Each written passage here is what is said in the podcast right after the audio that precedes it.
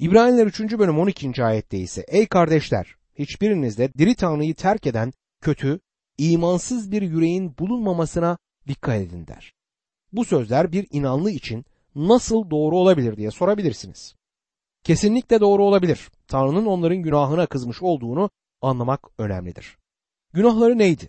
Adam öldürmek değildi, hırsızlık yapmak değildi, yalan söylemek değildi. Peki neydi? Dostum onlar Tanrı'ya inanmadılar. Büyük günahları işte buydu. İbraniler 3. bölüm 13. ayette gün bugündür denildikçe birbirinizi her gün yüreklendirin.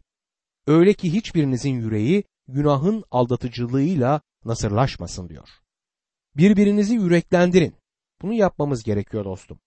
Birbirimizi yüreklendirmemiz ve teşvik etmemiz gerekiyor. Hiçbirinizin yüreği günahın aldatmasıyla nasırlaşmasın. Bu öncelikle inanlara günahın aldatmasından ötürü bereketlerini kaybetmemeleri için bir uyarı olduğu halde kurtulmamış insana da uyarlanabilir. İnsanların kurtulmalarını engelleyen şey inançsızlıktır. Birisi entelektüel bir sorunun kendisinin Mesih'i kabul etmesini engellediğini söylediğinde ona inanmıyorum. Buna bir kentte her hafta İncil çalışması yönetirken yaşadığım bir örneği vermek istiyorum. Bir akşam bir komisyoncu büyük bir kalabalığın kiliseye gittiğini fark etti. Hepsinin elinde kutsal kitap vardı. Hepsi de gittikleri yeri ilginç buluyorlarmış gibiydi. Ve bu kadar çok insanın haftanın ortasında kiliseye neyin çektiğini bu adam merak etti. Birçok bakımdan iyi bir adammış bu adam. Kalabalığın ardından kiliseye girmiş ve toplantı boyunca da orada oturmuş. Daha sonra yanıma gelip bütün yaptığın şey kutsal kitabı öğretmekti. İnsanları içeri çeken bu mu diye sordu. Perşembe akşamları bütün yaptığımız bu olduğundan öyle olduğunu söyledim. Adam perşembe akşamları gelmeye devam etti ve sonra pazar günleri de gelmeye başladı ve çok geçmeden kutsal ruh onun üzerinde çalıştı. Bir gün bana gelip ben Mesih inanlısı olduğumu sanıyordum. Şimdi olmadığımı biliyorum. Ben sadece inanlılar topluluğunun bir üyesiyim. Ama söylediğin şeylerden bazıları beni entelektüel bakımdan rahatsız ediyor. Bunlardan bir tanesi Yunus'un hikayesi. Bir insanın bir balığın karnında üç gün üç gece yaşayabileceğine inanmak benim için imkansız dedi. Ona Yunus'un bir balığın karnında üç gün üç gece yaşadığını sana kim söyledi diye sordum. Vaizlerin söylediğini duydum. Kutsal kitapta değil mi diye sordu. Benim kutsal kitabımda değil dedim. Bundan sonra Yunus kitabını açıp orada ne yazdığını gösterdim. Sonra da İncil'i açıp İsa'nın bu konuda ne söylediğini okudum. Matta 12. bölüm 40. ayette Yunus nasıl 3 gün 3 gece o koca balığın karnında kaldıysa insanoğlu da 3 gün 3 gece yerin bağrında kalacak dediğini okudum. Ve o zaman bu adama eğer Yunus'un dirilişine inanmakta zorluk çekiyorsan o zaman İsa'nın dirilişine inanmakta da zorluk çekeceksin dedim. Öyle olduğunu bilmiyordum. Şimdi hiçbir sorunum kalmadı dedi. Başka bir entelektüel sorunun var mı diye sordum. Belki yok. Gözlerinin içine bakıp hayatında seni Mesih'ten uzak tutan hangi günah var diye sordum. Yüzü kızardı. Birisi size benden söz etti mi diye sordu. Hayır ama entelektüel sorunun aslında bir yürek sorunu olduğunu biliyorum. Hayatında seni Mesih'ten uzak tutan bir şey var dedim. Kabul etti ve hatta ağladı. Sekreterinin dairesinin kirasını verdiğini ve orada uzun zamanlar geçirdiğini de itiraf etti. Kendisine karısının bunu bilip bilmediğini sordum. Bunu bir sır olarak tuttuğunu söyledi. Sonra ona sorun Mesih uğruna sekreterinden vazgeçmek isteyip istememen. Öyle değil mi diye sordum. Bana bakıp evet dedi. Kirayı ödemeyi bırakacağım ve yarın onunla konuşacağım. Onunla konuşmakla kalmadı, onun işten ayrılmasına sağladı. Kadın her şeyi anlatacağını söyleyerek onu tehdit etti ama bunu yapmadı. Aynı gün bu adam benimle birlikte dua edip Mesih'i kurtarıcı olarak yüceltti. Dostum ben uzun zamandır vaaz veriyorum ve insanları Mesih'ten uzak tutanın entelektüel sorunlar değil, günah sorunu olduğunu da öğrendim bu zaman içerisinde. Kutsal kitapta 2. Korintliler 3. bölüm 6. ayetten başlayarak Musa'yı ele alan bir başka parça vardır ve buna dikkatinizi çekmek isterim. O bizi yazılı yasaya değil, ruha dayalı yeni antlaşmanın hizmetkarı olmaya yeterli kıldı der bu bölümde. Yazılı yasa öldürür, ruh ise yaşatır. Yasa bizi suçlar ama ancak ruh bize yaşam verebilir. Ölümle sonuçlanan hizmet yani taş üzerine harf harf kazılmış olan yasa yücelik içinde geldiyse öyle ki İsrailoğulları geçici olan parlaklığından ötürü Musa'nın yüzüne bakamıyorlardı, ruha dayalı hizmetin yücelik içinde olacağı daha kesin değil mi diyor kutsal kitap. Elçi Paulus yasanın yücelik içinde olmadığını söylemiyor. Görkemliydi. Ama bu yücelik yok olacaktı. Şimdi 11. ayete bakalım. Geçici olan yücelik içinde geldiyse kalıcı olanın yüceliği çok daha büyüktür diyor bu ayette. Musa'nın yüzünü parlatan yasanın yüceliğiyle Mesih'te sahip olduğumuz yücelik kıyaslanmaktadır. Böyle bir ümide sahip olduğumuz için büyük bir cesaretle konuşabiliriz. Yüzündeki parlaklığın giderek söndüğünü İsrailoğulları görmesin diye yüzünü peçeyle örten Musa gibi değiliz der İncil. Musa peçeyi yüzüne genelde düşünüldüğü gibi yüzünün parlaklığı görülmesin diye yüzündeki görkemi soldurmak için koymadı. Görkem zaten solmaktaydı ve insanlar onun yok olduğunu görmesinler diye yüzünü peçeyle örttü. Ama şimdi bir başka yücelik vardır. Bu da Mesih'te olan yüceliktir. İsrailoğullarının zihinleri körleşmişti. Bugün bile eski antlaşmayı okudukları zaman zihinleri aynı peçeyle örtülü kalır.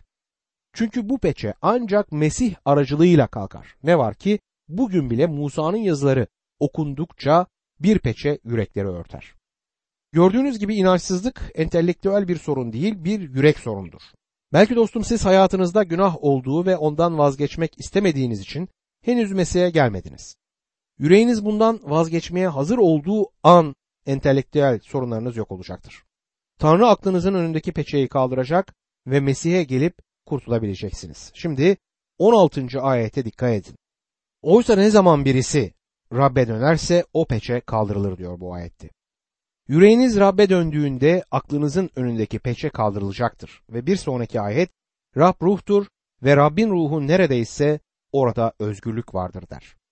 Kutsal ruh günümüzde birçok insanın hayatında yaptığı gibi sizin hayatınıza girip Mesih'i sizin için gerçek kılacaktır o zaman.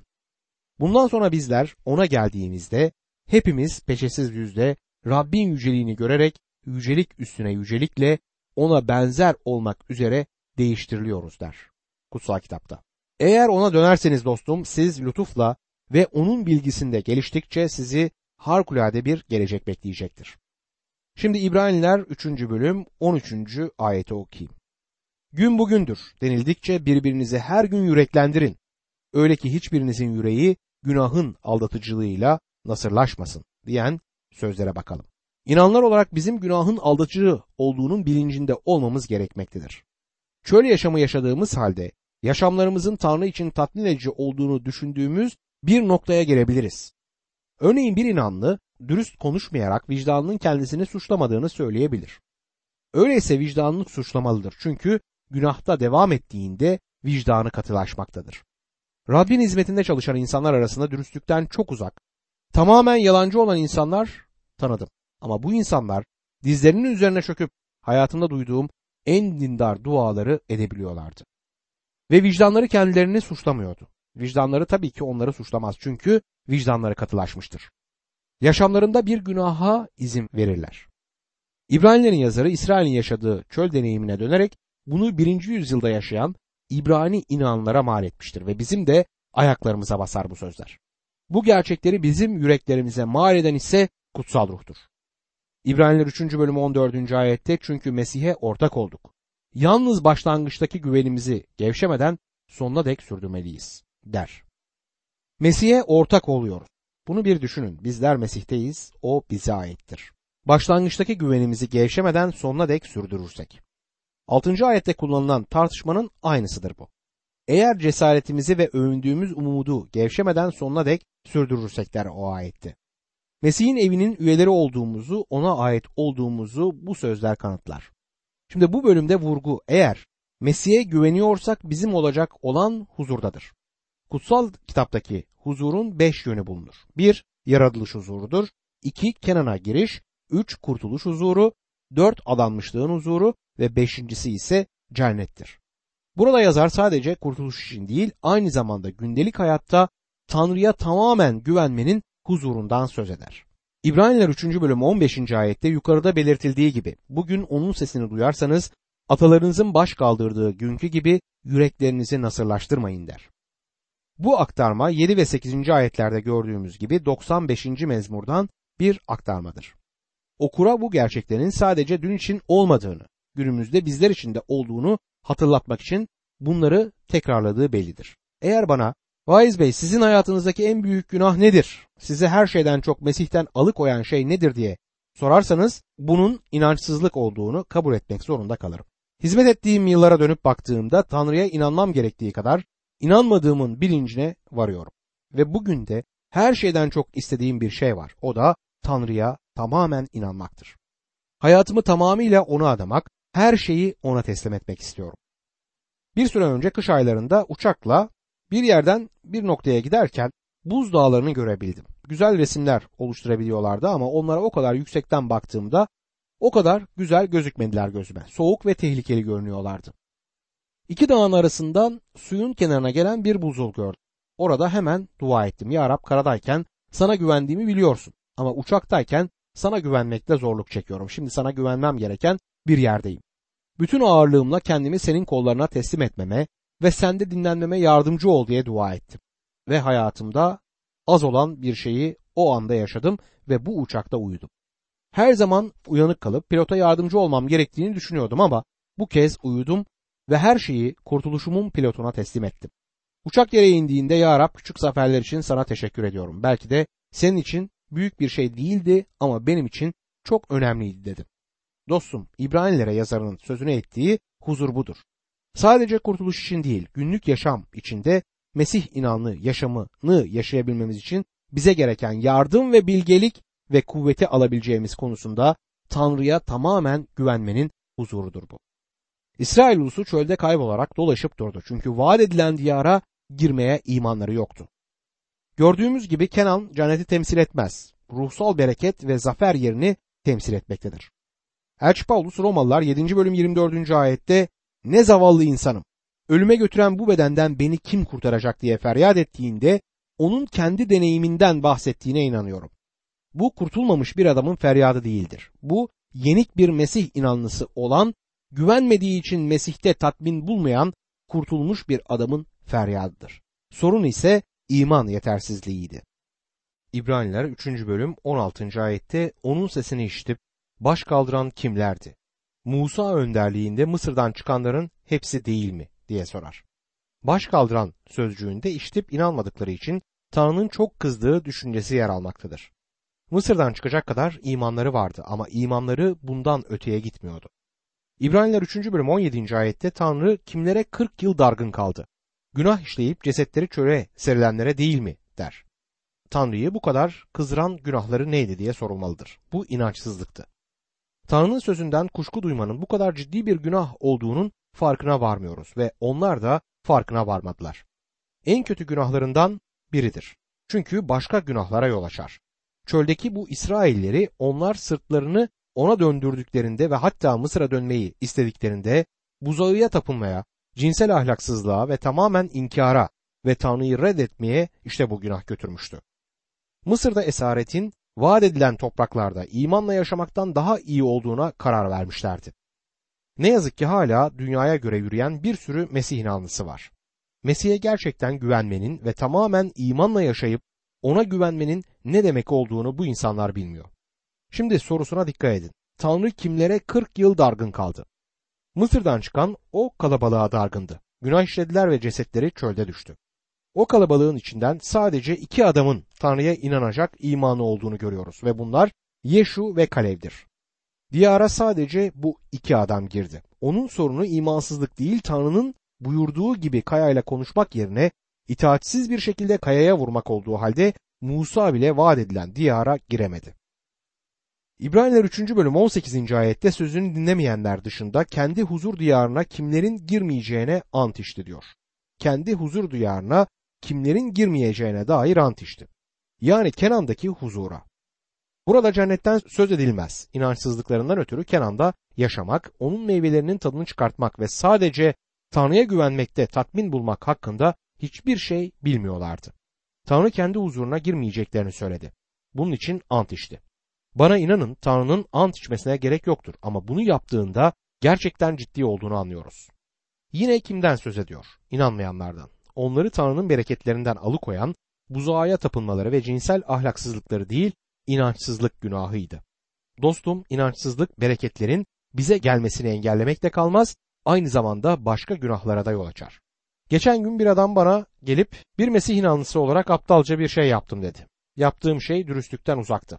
Bahsettiği şey kafasını o denli kurcalıyordu ki sorunun kökünün farkında değildi. Tanrı'ya inanmamıştı. Bu nokta ise kendisini hiç rahatsız etmiyordu.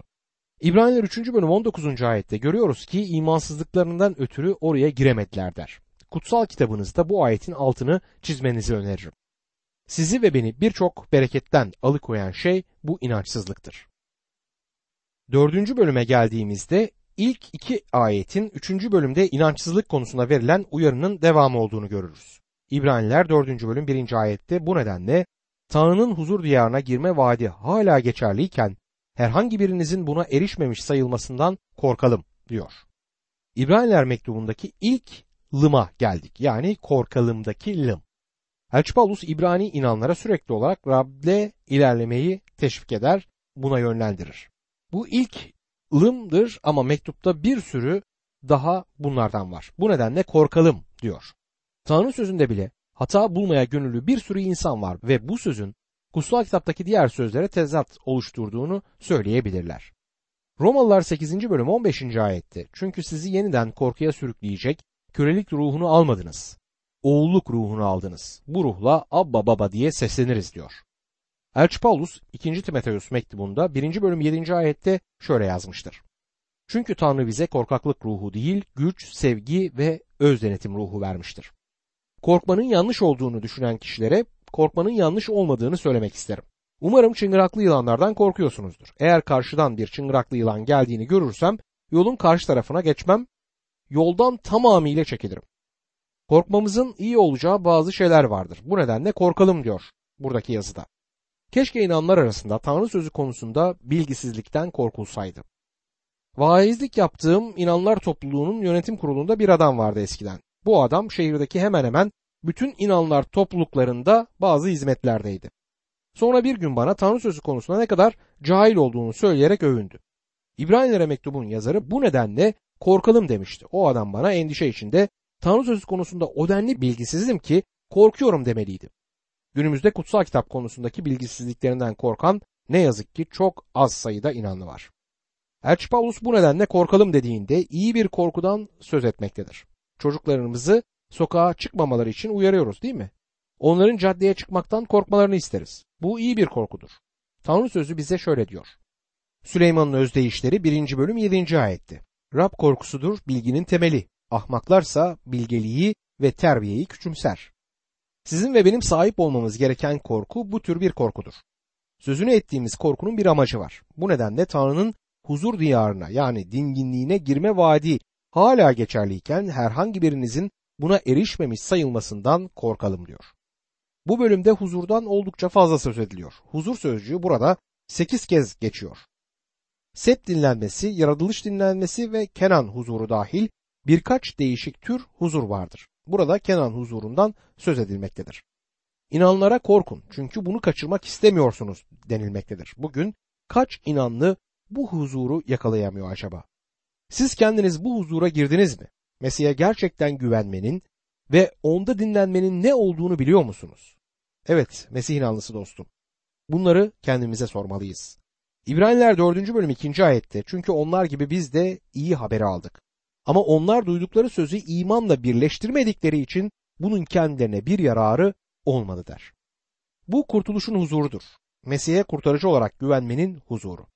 Müjdeyi duydular ama ona inanmadılar.